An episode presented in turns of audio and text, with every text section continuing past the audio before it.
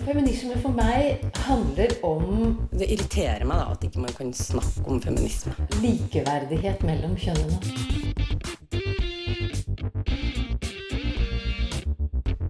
Det blikket på kvinnen på film. handlet det om å bli tatt på alvor som jente. Du hører på Et eget rom på Radio Nova. Moteindustrien åpner stadig for nye typer skjønnhet. Om enn ikke i en overveldende fart. Men går det egentlig an å reformere denne industrien? Eller eksisterer den utelukkende for å undertrykke?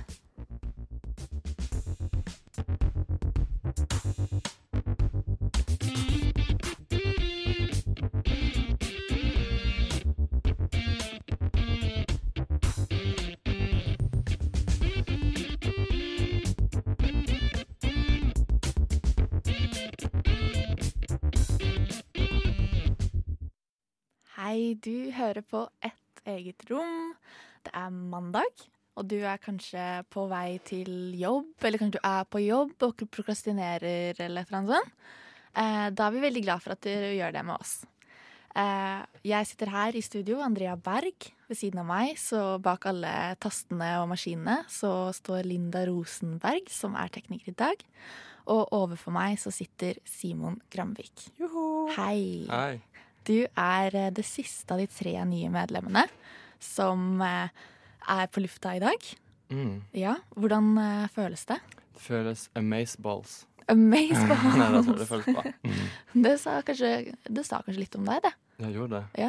Uff, et nytt ord. Eller har du lyst til å introdusere deg på en annen måte? Jeg prøver igjen. Ja. Eh, en ublid sørlandsgutt. Dette tenkte jeg på akkurat. Hva skal jeg si? En ublid sørlandsgutt. Man pleier å si blid, men jeg er ublid. Men veldig grei og liker å tenke. Eh, reflektere. Utfordre. Snakke. Favorittfarge? Hakke. Alle. Nei, alle sammen. Ja, Spekteret. ja spektre. Oh, wow, Godt svar. Veldig godt svar. Ja, ja, ja. ja men du, eh, vi er, du og jeg, vi liker eh, noe som heter mote. Eh, Vi er, elsker mote.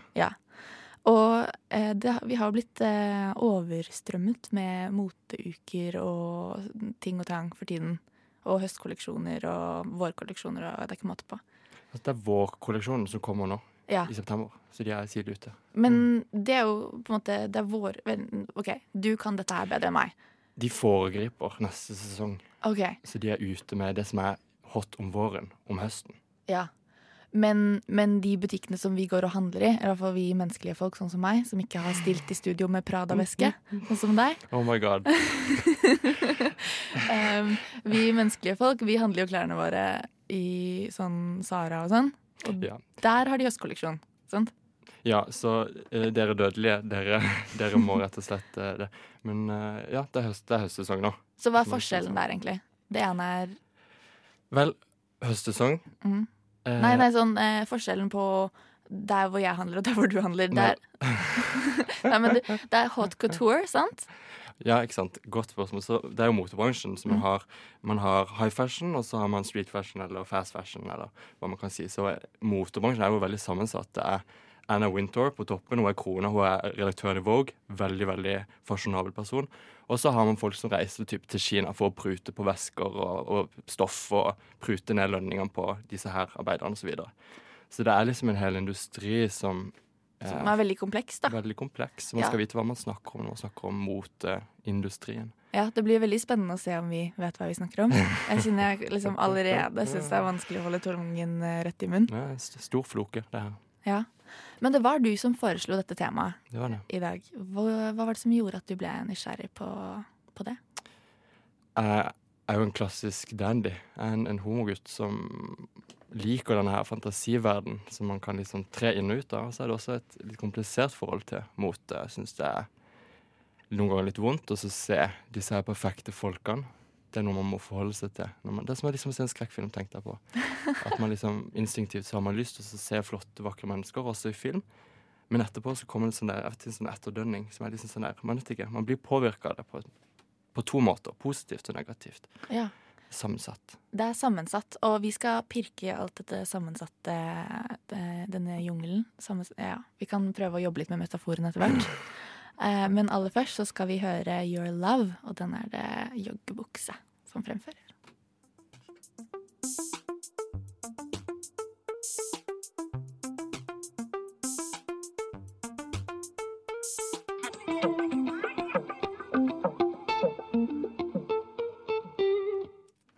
Det var Your Love, en deilig R&B og hiphop-miks eh, som ender i en eh, frisk bris som hva er, det tek nei, hva er det musikksjef skriver? En eh, med stråler langt ned i ankelen. Oi.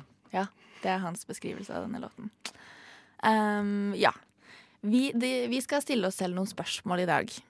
Eh, og det første spørsmålet som vi skal stille oss selv i dag, det er hvilke forbedringer er det vi ser i motebransjen? Ikke sant? Ja, det er et godt spørsmål. Det er et stort spørsmål. For det er mye. Det er mye å ta tak i. Stor bransje. Mm, det, er- Man må analysere, og noen ganger så er det sånn man ser kanskje litt det man vil se. Ja. Har man lyst til å kritisere, eller har man lyst til å se lys på det? Eh, vi har lyst til å se nyansert på det. Vi går grundig til verks, og vi prøver å løfte fram både positive og trender, og kanskje ting som er vanskeligere å forandre. For det er litt sånn, det er jo en industri. Man snakker om industrien, og så snakker man om det man ser på runwayen. Det er to forskjellige ting. Dette er mer strukturelt, kanskje. Ja. Og vi kan jo begynne med å, slå fast eh, liksom, omfanget i denne industrien. For det, det er snakk om en eh, som har en industri, jeg føler jeg har sagt det ordet for mange ganger nå, som ha, eh, har eh, 278,2 milliarder kroner i omsetning. Eller hadde det i fjor. Det er jo helt massivt. Det er mange Prada-saker. Det er mange bra Prada-sekker, man skulle ikke tro det. Her har vi en med oss i studio i dag. Men um, kan ikke du fortelle litt om hva som skjer som er nytt, Simon? OK, hva skjer? OK, Simon, Simon spør Simon. Eh, vel, jeg så Fashion Week eh, nå i New York. Veldig mye gøy. Uh, noe som var litt bland, noe som var litt, litt blekt, for Litt å si det. Ja. Du kan ta to betydninger. Blekt litt i den forstand at det er fremdeles mye en overrepresentasjon av hvite, men det tar seg veldig opp fra tidligere. Det er stadig flere eh, eh, ikke-hvite modeller, og det- det innbefatter også asiater og folk fra alle mulige deler av verden. Eh, det er jo veldig positivt. Eh, store kropper, små kropper, tynne kropper. Eh, veldig, veldig tynne kropper. Og veldig, veldig, veldig, veldig tynne kropper også. Det kommer kanskje ikke som noen stor overraskelse. Ja. Men det er jo eh, særlig én som har gått i bresjen i år for å, å motvirke dette med kroppsfasong, som har vært veldig uniform. Og det er jo Rihanna. Det er Rihanna. Ja, Kan ikke du fortelle om det, den kolleksjonen som hun har lansert nå? Ja, Rihanna har jo da altså pensa litt over på motorsporet de siste, de siste årene. Hun har lansert sin egen, eh, sitt eget merke, Fenty. Fenty Beauty. Og så har hun en undertøyskolleksjon som heter Savage. Og Savage eh, de har satt i gang et helt sånn sykt show. Eh, hva kan man si? Det var liksom bare Temple of eh, Sex and Passion og Self-Love. Eh, det var altså et helt eh, heidundrende show som gikk av staben i midten av september, så det er en stund siden. Dette blir snakka om.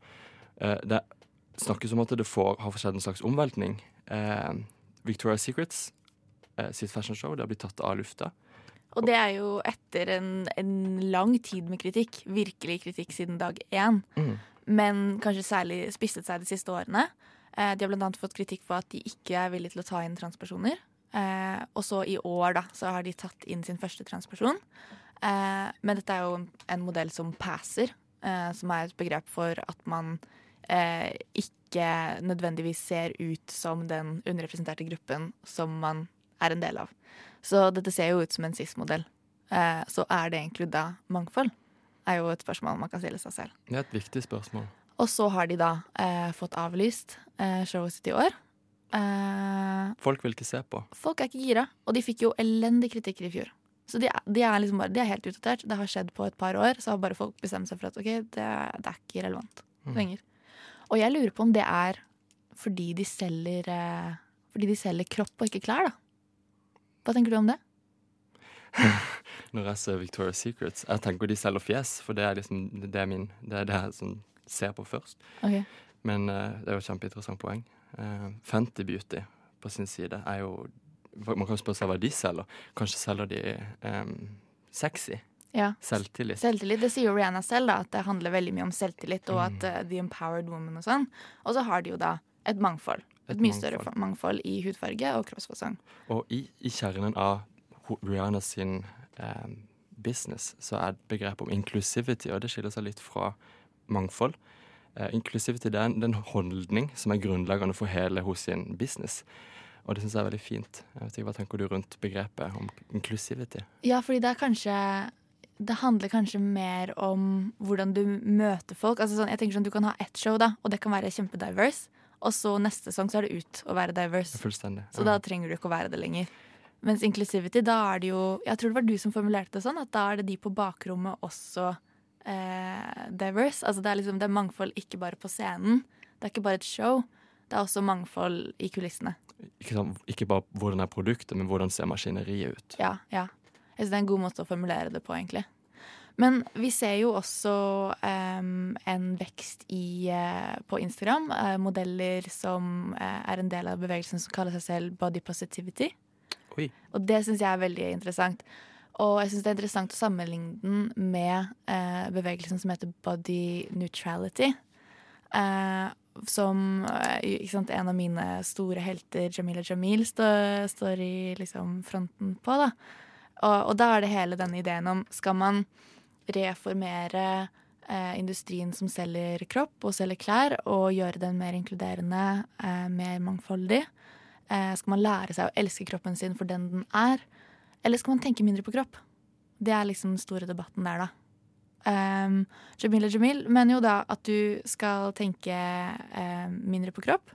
At, uh, som hun sier, jeg har mer lyst til å tenke på bankkontoen min og, og orgasmene mine enn uh, hvordan jeg, kroppen min ser ut. Men det kan man kanskje ikke gjøre inni moteindustrien. Fordi den er jo skapt for å selge et produkt. Ja, så moteindustrien eh, de viser jo litt vilje til selvransakelse, de også, som en industri. og Altså hvem som jobber på kontorene, hvem som eh, fatter avgjørelsene. Eh, de snakker om Condé Nast, det var Euronews som rapporterte at eh, lederen for De har altså en egen avdeling for inclusion og community der. Og at eh, den som er representant for det, de sier at de, de er veldig opptatt av å liksom reformere bedriften. Sånn at bedriften også skal innføre denne ideen om inklusivitet, at man skal ha mangfold også på kontoret. Mm. Og jeg har sett uh, flere jeg, i, Mens jeg har gjort research til denne sendingen, så har jeg sittet og sett hundrevis av sånne uh, Ask Anna Winter a question. Og så er det sånn noen som spør sånn Why are all your models uh, Why do they look the same? Og så er hun sånn nei, det, nå er vi i en helt ny tid, og alt er annerledes nå. Og det kommer bare til å fortsette å blomstre videre. Og så lurer jeg på hva som skjer når denne 90-tallstrenden som vi lever i nå, kommer tilbake til hvordan 90-tallskroppen skulle se ut. Og Ja. plutselig blir det trendy å være anorektisk igjen, liksom. Altså sånn, Hvis alt bare handler om mote og hva som er kult akkurat nå, så risikerer vi jo at det som er kult neste år, er noe som er sykt igjen, da. Det er noen motesvingninger her. Mm. Uh. Og vi skal tilbake til hvorvidt vi kan klare å redde oss ut av dette kroppshelvetet. Men først det er kroppshelvete. så skal vi høre Think Twice av Gold Space.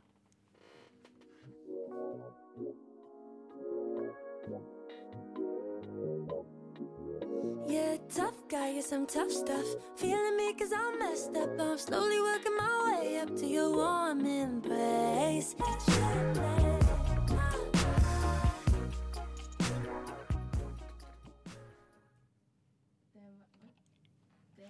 Hva, det var Gold eh, Space, det, som ga oss eh, Think Twice.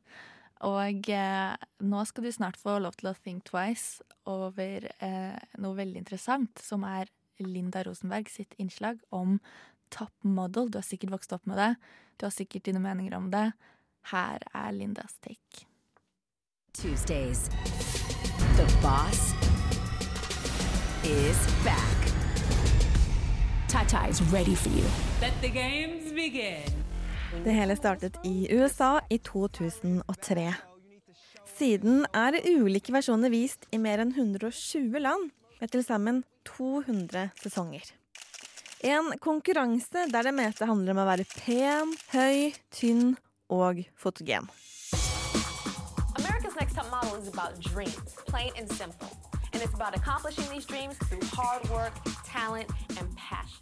Men i promoteringen av sin 24. amerikanske sesong så ble vi fortalt at det handler også om noe mer.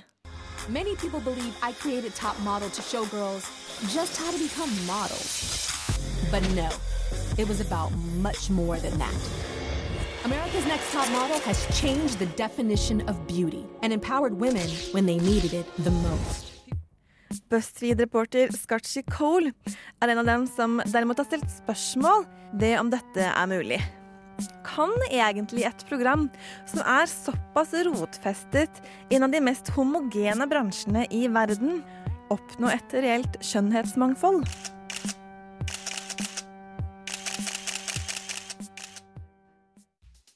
Cole har flere innvendinger. Er det mangfold når pluss size-modellene bruker størrelse 40? Eller når deltakeren på 40 år ser ut til å være 25?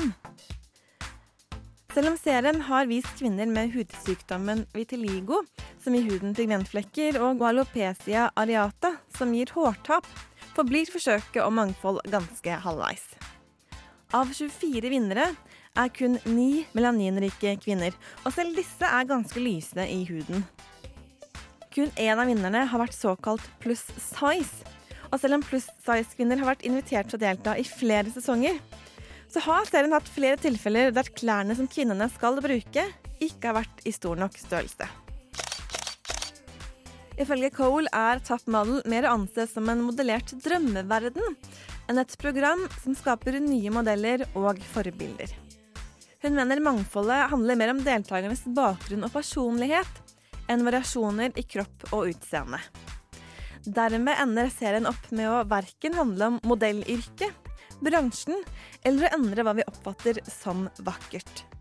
Det handler først og fremst om underholdende TV, noe som også tidligere deltaker Angelia Preston har uttalt seg om i etterkant av sin deltakelse.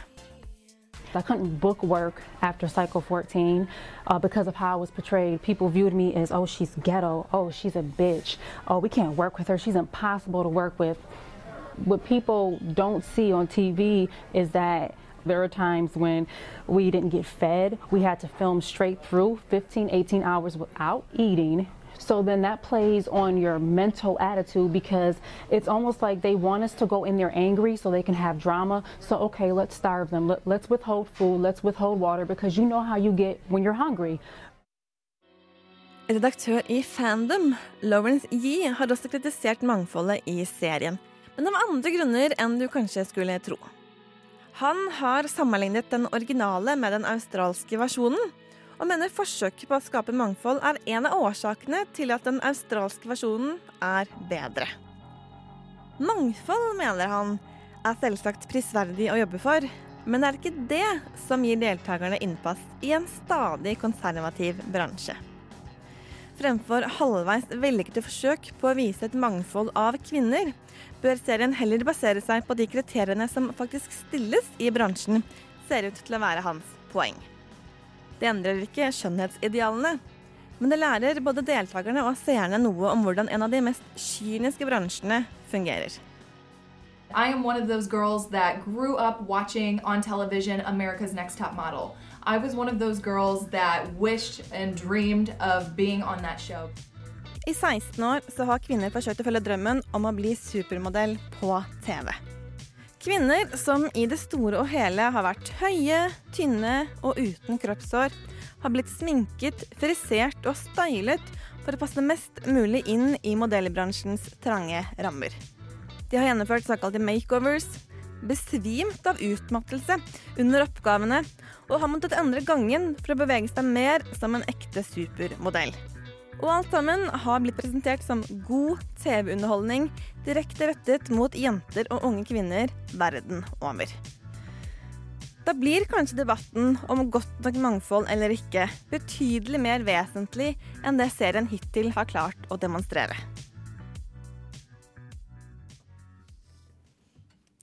Det var eh, Linda som hadde lagd det innslaget til oss. Du hører på Ett eget rom. Og det er eh, mandagsmorgen for deg som lytter på. Og eh, jeg sitter her med Simon, og vi snakker om mote. Og det er massivt, og det er litt lett å gå seg vill.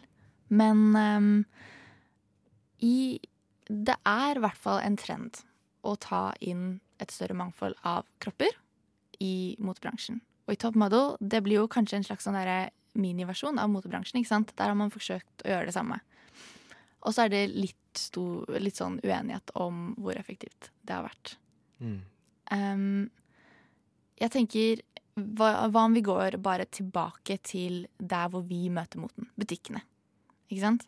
Vi, der møter vi jo den kanskje liksom i sin mest konkrete form i vår hverdag. Ikke sant? Der eh, blir vi jo fortalt allerede der eh, at det er noe feil med oss. Ikke sant? De størrelsene som er i butikkene, eksempel, de matcher jo ikke de størrelsene som vi har. Og det har jeg funnet eh, litt spennende statistikk på. Jeg bruker ikke USA som eksempel, da, for de er jo veldig gode på statistikk borti der. Um, men uh, størrelsene uh, ifølge Plus Size uh, Model Magazine um, så er størrelsene 10 til 14 i amerikanske størrelser, de regnes som plus size. Alt som er over 14, det er super size. Super size. Mm. Um, og eh, Så det er det jo mindre da av i butikkene. Det er plus size, for det er jo unormalt. Ikke sant? Men eh, ifølge en eh, The American Community Survey så er eh, over halvparten av USAs befolkning er over størrelse 14. Ja, Interessant. Det er interessant. 10 til 14 er plus size, men over halvparten av befolkningen er over 14. Og eh, dessuten så har 12,6% av den amerikanske befolkningen har en funksjonsvariasjon eller nedsettelse. 12,5% 12,6 0,6. Mm. Eh, og da Og så er det denne Det er en sånn massiv, massiv, massiv eh, mengde folk her som eh, Som ikke treffes av moteindustrien. Og hvorfor det? Er ikke det veldig rart? Og ehm, jeg, har, jeg klarer ikke finne noe godt svar på det. Hvorfor ikke moteindustrien eh, vinkler seg inn mot denne gruppen. Jeg fant eh, en artikkel fra Forbes som mente at eh, moteindustrien kunne trent eh, De hadde beregnet at de kunne tjene 300 milliarder eh, dollar på, på å rette seg inn mot plus size-befolkningen. Altså mer enn doble eh, det de tjener i dag. Ikke sant? Mm. Um, jeg skjønner ikke. Altså, man skulle, jo, man skulle jo tro det. De er jo glad i penger. Eh, hva kan grunnen være? Altså, jeg tenker på, nå, nå beveger man seg jo Nå har man jo hørt mer på kundene sine. ikke sant? Man beveger seg i en annen retning nå, med f.eks. den Fenty-kolleksjonen til Rihanna. Tror du, tror du at det kommer til å fortsette? At det faktisk kan redde moteindustrien? da? Det kan eh, hvert fall Det det illustrerer i hvert fall en ny trend som foregår. At eh, de, som, de som lager kolleksjonene, og de som prøver å nå ut til markedene, at de veldig tydelig eh, signaliserer at de er interessert i å lage klær for alle. Man ser også andre merker, f.eks. Eh, et eh, undertøysmerke som heter Edition L, som har vært hot de siste to årene i New York på New York Fashion Week. Der hun der eh, Jordan Woods, bestevenninna til Kylie, blant annet har vært aktiv. Og også Ashley Graham, som har blitt eh, et ansikt for eh, pluss size-modeller og body positivity. Det er et eget merke som eh, retter seg inn mot disse, denne gruppa som du snakker om, at det oppstår nye merker. Og Fenty er et eksempel altså, som sier at, at hvis, hvis du ikke er på en måte Fendi-worthy, altså merket Fendi italiensk. Jeg så showet der. Det var bare utmagra hvite modeller som på en måte gikk i sånn type sånn 'jeg vil dø'-aktig uttrykk foran eh, Colosseum i eh, Roma. Hvis du ikke identifiserer deg med det, nei, så bra, for det fins et alternativ. Eh, du kan kjøpe eh, tøy hos eh, Rihanna. Eller. Ashley Graham. Mm. Rihanna tjener penger på det. eh, Mye penger. Og det er sikkert også mange andre skal man si hvite menn? Jeg sier man, man man sier det. Ja. Det er innafor på en feministisk eh, kanal å si det. ja altså de, de, de profitterer på, på denne trenden, de tjener penger på det, men forbrukeren, det sier noe om forbrukeren sin innstilling. Jeg tror det er liksom et nøkkelord her. At, at folk som har penger, er kanskje mer opptatt av å bruke pengene der hvor de på en måte er litt mer oppmerksom på hvor, hvor de legger igjen pengene sine. At det er liksom eliten som legger føringene, da. Det er noe som snakkes om nå. Ja. Men jeg, jeg lurer på sånn om en industri som Fordi for å selge ting, så må du jo Dette her har um, eh, tidligere rektorer for Høgskolen Kristiania, som også har eh, eh, en lang karriere innenfor markedsføring eh, bak seg, har eh, sagt at for å selge noe til noen, så må du overbevise deg, dem om at de mangler noe. Ja. Og derfor så kommer moteindustrien alltid til å tjene på å få folk til å føle seg utilstrekkelige. Ja. Og da tenker jeg sånn Kan denne industrien noensinne da bli feministisk? Hvis den er Den bare overlever hvis den kan få deg til å føle at du ikke er bra nok som du er. Og at du derfor trenger å kjøpe produktene. Det er interessant det du sier. Og når jeg så på Rihanna-showet, så tenkte jeg sånn Shit, jeg har ikke så For der var liksom Det de selv, solgte, sånn som jeg så det, var liksom selvtillit og at man føler seg sexy. Altså Der, der når det ikke er oppe, tenkte jeg Oi, her jeg liksom Jeg føler ikke det alltid. Mm. Ja, for du sa jo at du satt igjen egentlig med en ikke med noe sånn veldig empowered følelse etterpå. Sa du til meg før sendingen. Jeg må være tidenes uh, masochist, for jeg så det tre ganger. men sannheten er jeg følte meg litt sånn depressiv til tider. Og eh, ikke depressiv, men kan man si litt sånn der uh, sukkaktig. Eh, selv om de var supersexy, store folk som dansa, frigjorte, og det var liksom bare eh, veldig gøy å se på. Men den her ideen om at man skal ha det så innmari bra med seg sjøl, det kan også være vanskelig å så selge. Så på en måte, hvis ikke jeg føler det, da, så må jeg vel kjøpe en, en eller annen pushup bra fra Rihanna. fordi at det, Ja, særlig du. Ja. jeg begynner jo, jeg har trener, så jeg begynner å få manpoops. Ja. Men uh, det er bra. Uh, men jeg tenker Ja, for det er jo noe med at man, man selger en fantasi, og så får man lyst til å delta i den fantasien. Men Bingo. Ja. Men Og den er jo kanskje mer realistisk, den fantasien som er mer inklusiv. Men den er jo fortsatt en fantasi. De er fortsatt uh, photoshoppet, og de er fortsatt uh, riktig type tjukk. Og de er fortsatt, altså, så en veldig sånn En veldig curvy type tjukk. Altså Og faen så kul. Jeg tenker Hvis jeg hadde bodd på bygda og sett det der, så hadde jeg tenkt hvem er jeg liksom i sammenligning med dette her? Ja. De var bare så kule og urbane. Det er også så mange Ja. perspektiver på dette. At Ja. Hva sitter man igjen med å føle seg utilstrekkelig? Mm. Sånn og da, den der følelsen av utilstrekkelighet er den som på en måte skal eh, Som disse her selskapene benytter seg av for å selge. Ja, og ikke minst hva om du sitter eh, i India og ser altså, hvit modell på hvit modell på hvit modell. Og det eh, fenomenet skal Katrine Opheim ta opp i sitt innslag eh, som vi skal føre nå. J'ai regardé dans ton téléphone, il y avait un mail de Camille. Dans ma tête, ça résonne. Elle est charmante, cette fille. Je ne l'ai pas supprimée. Motebransjen, magasinene, reklameplakatenes ideale virker ofte uoppnåelig. Og i virkeligheten så er de jo akkurat det. For de fleste blir liksom aldri håret så skinnende på reklamen eller huden så jevnt som på de gjennomretusjerte bildene. Klærne sitter aldri så bra som de gjør på modellene, og de er sydd ut fra mål som gjør at ingen jeg kjenner finner bukser som passer bra både i midja og i lengda.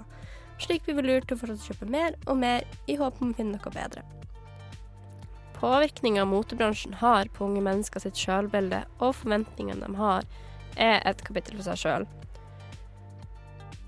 Men har du tenkt over hvordan det er å aldri se mennesker som ser ut som deg i media og reklame?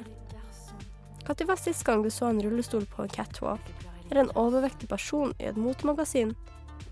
I anledning verdensdagen for psykisk helse, nå forrige torsdag, så har jeg gjerne sett et søkelys på representasjon i motebransjen.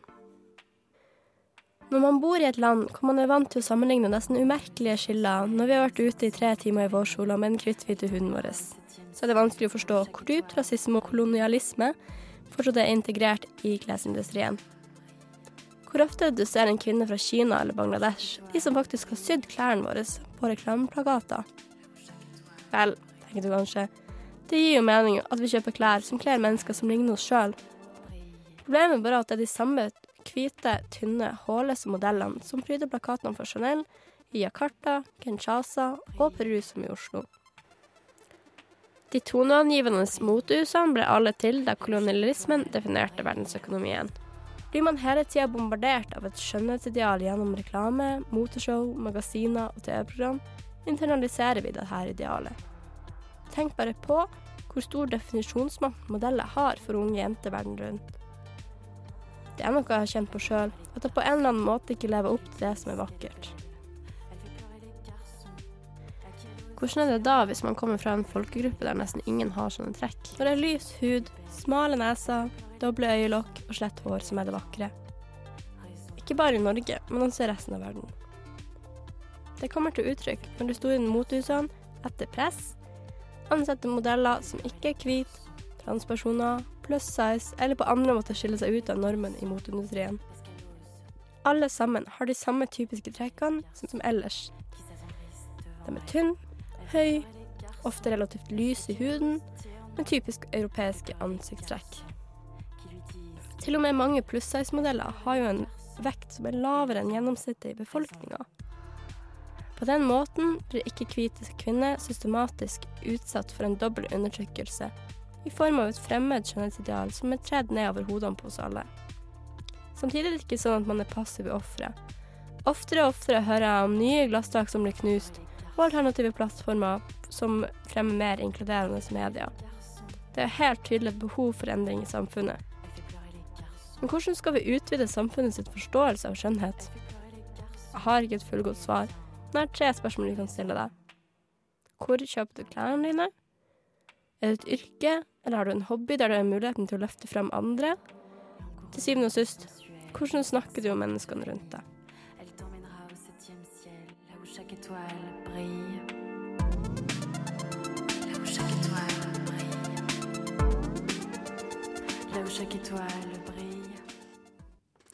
Det var eh, Katrine Opheim som hadde lagd eh, det innslaget til oss. Em, nå skal vi eh, straks få høre fra eh, Trond Blindheim, som jeg glemte å introdusere i stad da jeg fortal- snakket om eh, rekt, tidligere rektor ved Høgskolen Kristiania. Nå er han dosent ved Institutt for markedsføring ved Høgskolen Kristiania. Eh, og da jeg var i et annet radioprogram her, i, her eh, på Radio Nova som het Kapitalen, så intervjuet jeg ham om reklame, og dette var det han sa. Du er aldri mer enn jeg håper en armlengdes avstand fra en eller annen reklame. Det vil vi merke med det samme. Vi kommer ut i gaten. Det er på trikken, det er undergrunn. Hvis vi tar undergrunn, så er det reklame inne på trikken, på holdeplassene. Du går ut av trikken, og, det samme er på, på undergrunn. På flyplassen på Gardermoen så selges det reklame for 120 millioner kroner i året. Eh, på, på, på jernbanestasjon, sentralbanestasjon, så er det en reklameomsetning der på en sånn ca. 20 millioner kroner. Og det er 72 000 mennesker som passerer og ser de reklamene hver eneste dag. Men det at de bruker f.eks. fotomodeller i Norge da, for merkeklær, de skal på død og liv inn i størrelse 36 og gjerne også 34. Sant? Og, og vi vet at norske jenter er større enn italienske jenter, og at en mote skaper klær som ikke passer. Sant? En norsk jente iallfall ikke eh, sånn. Men altså, klærne finnes i forskjellige størrelser når du kommer inn i butikken, men de som eksponerer de i reklamen og i massekulturen, det er liksom sjeldent over størrelse 36. Og sånn sett så kan du si at det, det blir det sultekunstner av. Det var 150 000 kvinner som døde i fjor av anoreksia og bulimi i den vestlige verden. Og så kan vi si at reklamebransjen får ta skyld for iallfall halvparten av de, og så kan idretten og massekulturen ta skyld for resten. Ja.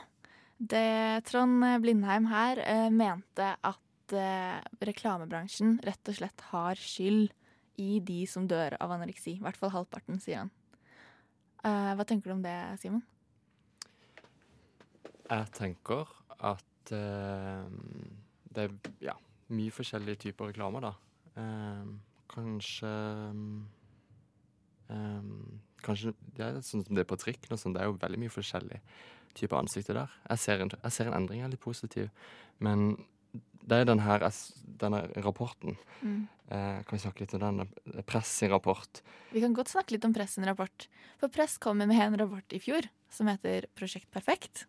Og den har du sett litt på. Ja, jeg har sett på den. Eh, og det ser på sammenhengen mellom kropp og så psykisk helse hos da særlig ungdommer på ungdomsskolen og videregående. Også litt på barneskolen.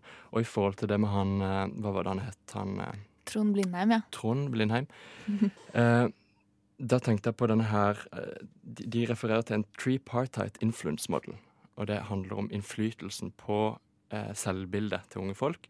At det er reklame og media. Altså media var stikkordet på, på den ene sida. Så er det foreldre, og så er det eh, sam, folk på samme alder og sånn vennekrets og sånne ting. Så det er sånn delt ansvar. Eh, og de går liksom, de, de influerer hverandre. Så at media påvirker foreldre og folk på samme alder. Så det er liksom, hvor skal man begynne når man skal fordele skylda? Det, Ja, det er ikke så enkelt at man bare kan si at det er motindustrien som ødelegger eh, eh, barn da, og For- unge. for eksempel foreldre. Mine foreldre snakka aldri til meg om eh, hvordan jeg burde forholde meg til reklamene som jeg så på vei til eh, på, ja, på vei til Roma, hvis jeg fløy. Ja. Men, og, men da legger man jo på en måte mm, skylden litt på oppdragelsen, da. Og de gjør jo delvis også det når de snakker om at eh, det kommer press fra foreldre. Men rapporten konkluderer jo likevel med at det er politikerne som må ta et ansvar. At de må, ha, at eh, de må komme med en handlingsplan som skal inneholde konkrete tiltak for hvordan man skal kunne delvis skjerme og delvis skolere ungdom når det kommer til eh, kroppspress fra motindustrien. Det er særlig motindustrien de legger vekt på, og hvordan de reklamerer til ungdom. Um, de er annet opptatt av at eh, det ikke skal være lov å retusjere. Veldig Eh, fornuftig. Veldig fornuftig. Og man må jo begynne der hvor man kan. Altså hvem er det som har eh, makt til å endre på dette? Hvem er det som har den innflytelsen? Man kan jo ikke bare si til alle foreldre sånn Hvem er det som har på en måte plattformen til å gjøre disse endringene? Det er jo, Der spiller politikere en kjempeviktig rolle. Ja, sant. Og det har jo eh, vært eh, Det er jo en del reguleringer når det kommer til reklame. Et, eh, men eh, Og Norge har jo brukt lang tid på en, på en del ting. Eksempel så var vi siste land i Europa til å innføre TV-reklamer, og vi har egentlig vært historisk sett ganske eh, tradisjonelle, liksom, når det kommer til, til å slippe til reklame i samfunnet. Men når man går ut i dag, som, eh, altså, som Blindheim beskriver, så ser vi jo bare Vi blir jo virkelig bombardert eh, med reklame. Ting har gått så himla fort. Altså med sosiale medier og Instagram. Man har liksom ikke, man har ikke fullt, eh, fullt tempo, da. Mm. Så Ja, så Han foreslo faktisk eh, to ting da jeg intervjuet ham. Han foreslo en, at man skulle ha skoleuniformer. At man rett og slett skal fjerne liksom, fokuset fra klær og kropp i det hele tatt. Og at man skal ikke tenke på det lenger. Og, og sånn sett så passer han jo litt inn i den body neutrality-bevegelsen. da. At eh, Hvis vi skal liksom kunne tolke ham litt her. Um, og at han på en måte problematiserer at det er ikke bare kropp, men også klær eh, som er et press som eh, unge opplever.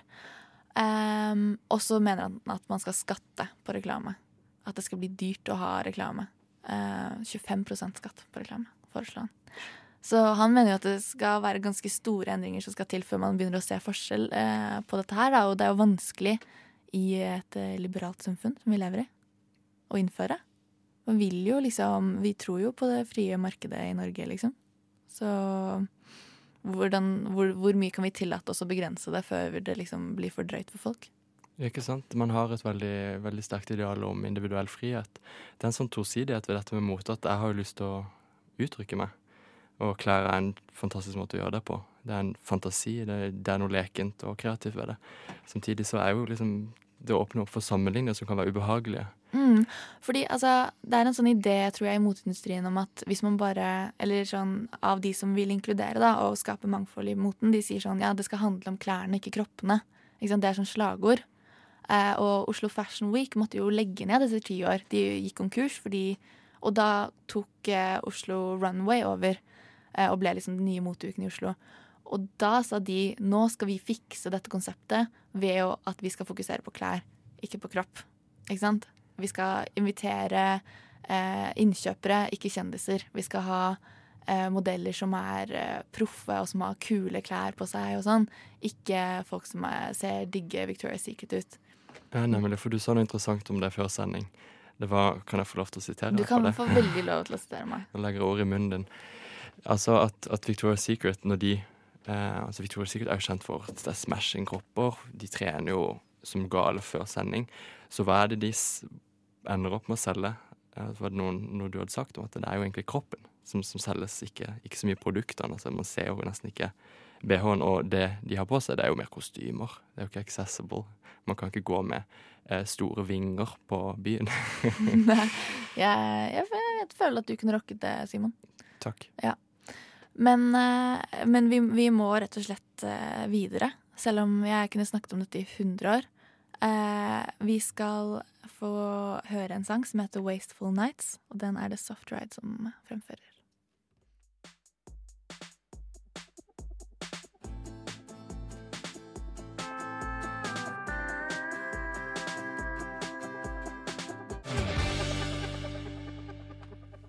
Da eh, fikk du høre 'Wasteful Nights' eh, av Soft Ride. Hva syns du, Simon? Um, jeg likte det. Ja. Det var fint. Punktum. Da er vi fornøyd. Eh, vi har liksom Nå skal vi runde litt av på dette motopplegget. Trekke noen konklusjoner. Conclusions. Conclusions. Det er jo en helt sånn Det er jo et massivt og eh, komplisert tema som vi har tatt tak i i dag. Eller prøvd å ta tak i. Og det var kanskje litt vel ambisiøst. Ja, vi kan kalle oss selv en tenketank. Ja, det gjør vi. I dag så er vi Agenda og Civita og alle de der Mm. blandet sammen. Eller er Civita et appelsinmerke? Det er begge deler, tror jeg. Ja. Det er en høy- høyreorientert tenketank med Kristin Clemet i spissen. Ja. Love you, Kristin. Nei, da, jeg vet ikke. Um, Jeg ja. syns- syns Vi er, nøyt, vi er parti, politisk eh, nøytrale, eh, men vi støtter alle politiske kvinns der ute. Så Ja. sånn sett elsker vi Kristin Clemet. Reformulere. Det var Jeg liker Kristin Clemet. Eh, En sin nøytral- guts i debatt. Men jeg, jeg har ingen politisk Jeg har ikke noe politisk ståsted. OK. Veldig overbevisende. Også fra feminist. Men, eh, men vi begynte jo denne sendingen med å snakke om at vi elsker motet. Det gjør vi jo. Eh, Du sitter her med et eh, antrekk som jeg er sikker på at du har plukket eh, nøye sammen. Satt nøye sammen. Og jeg sitter her med min røde leppestift som jeg har betalt altfor, altfor, altfor mye for. Men hvor står vi nå, Simon?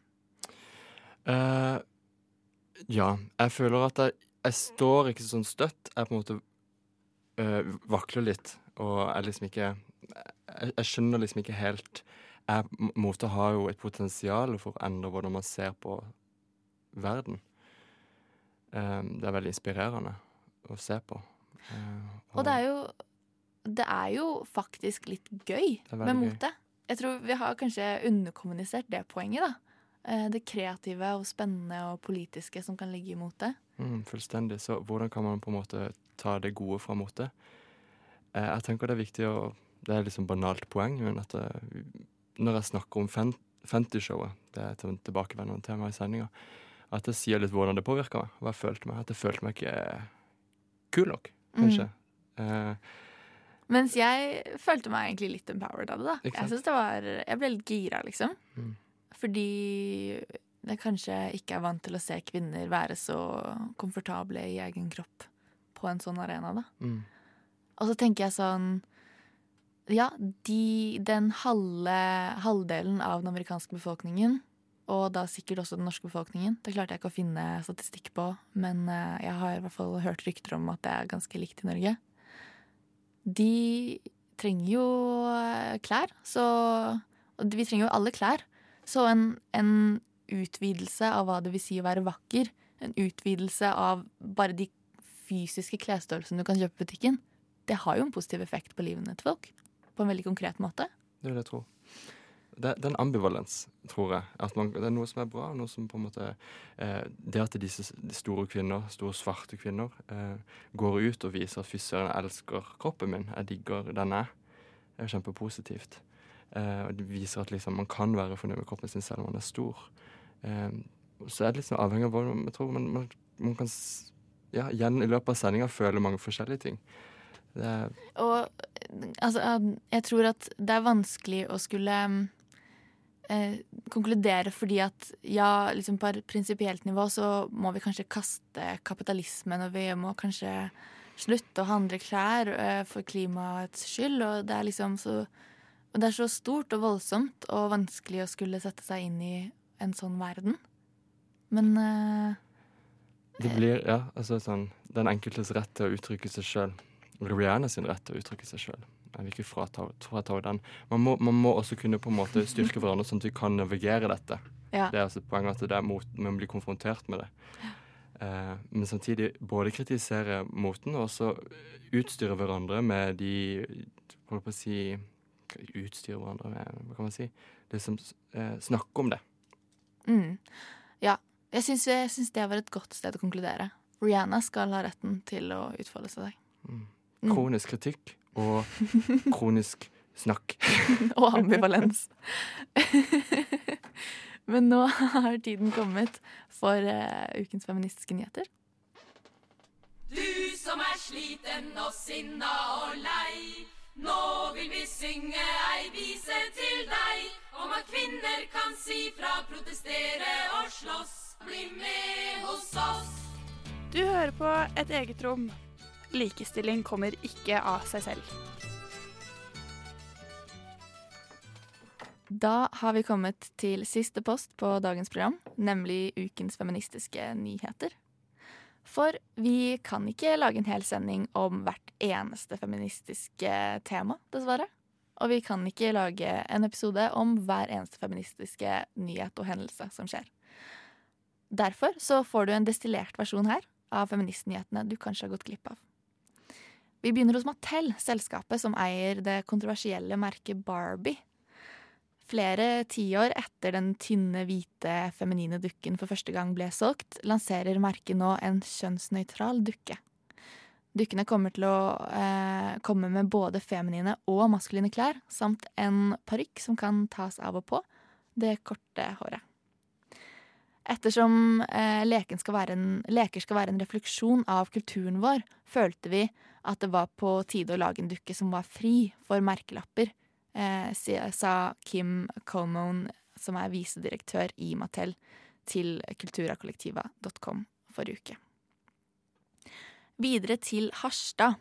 Eller egentlig ikke Harstad, men Sudan, hvor den unge sudanske eh, kvinnen Ala Salah ble selve symbolet på den ikke-voldelige revolusjonen som avsatte tidligere president al-Bashir. Hun er invitert til Harstad eh, av eh, kommunen for å delta i en eh, konferanse, men har fått avslag på visumsøknaden.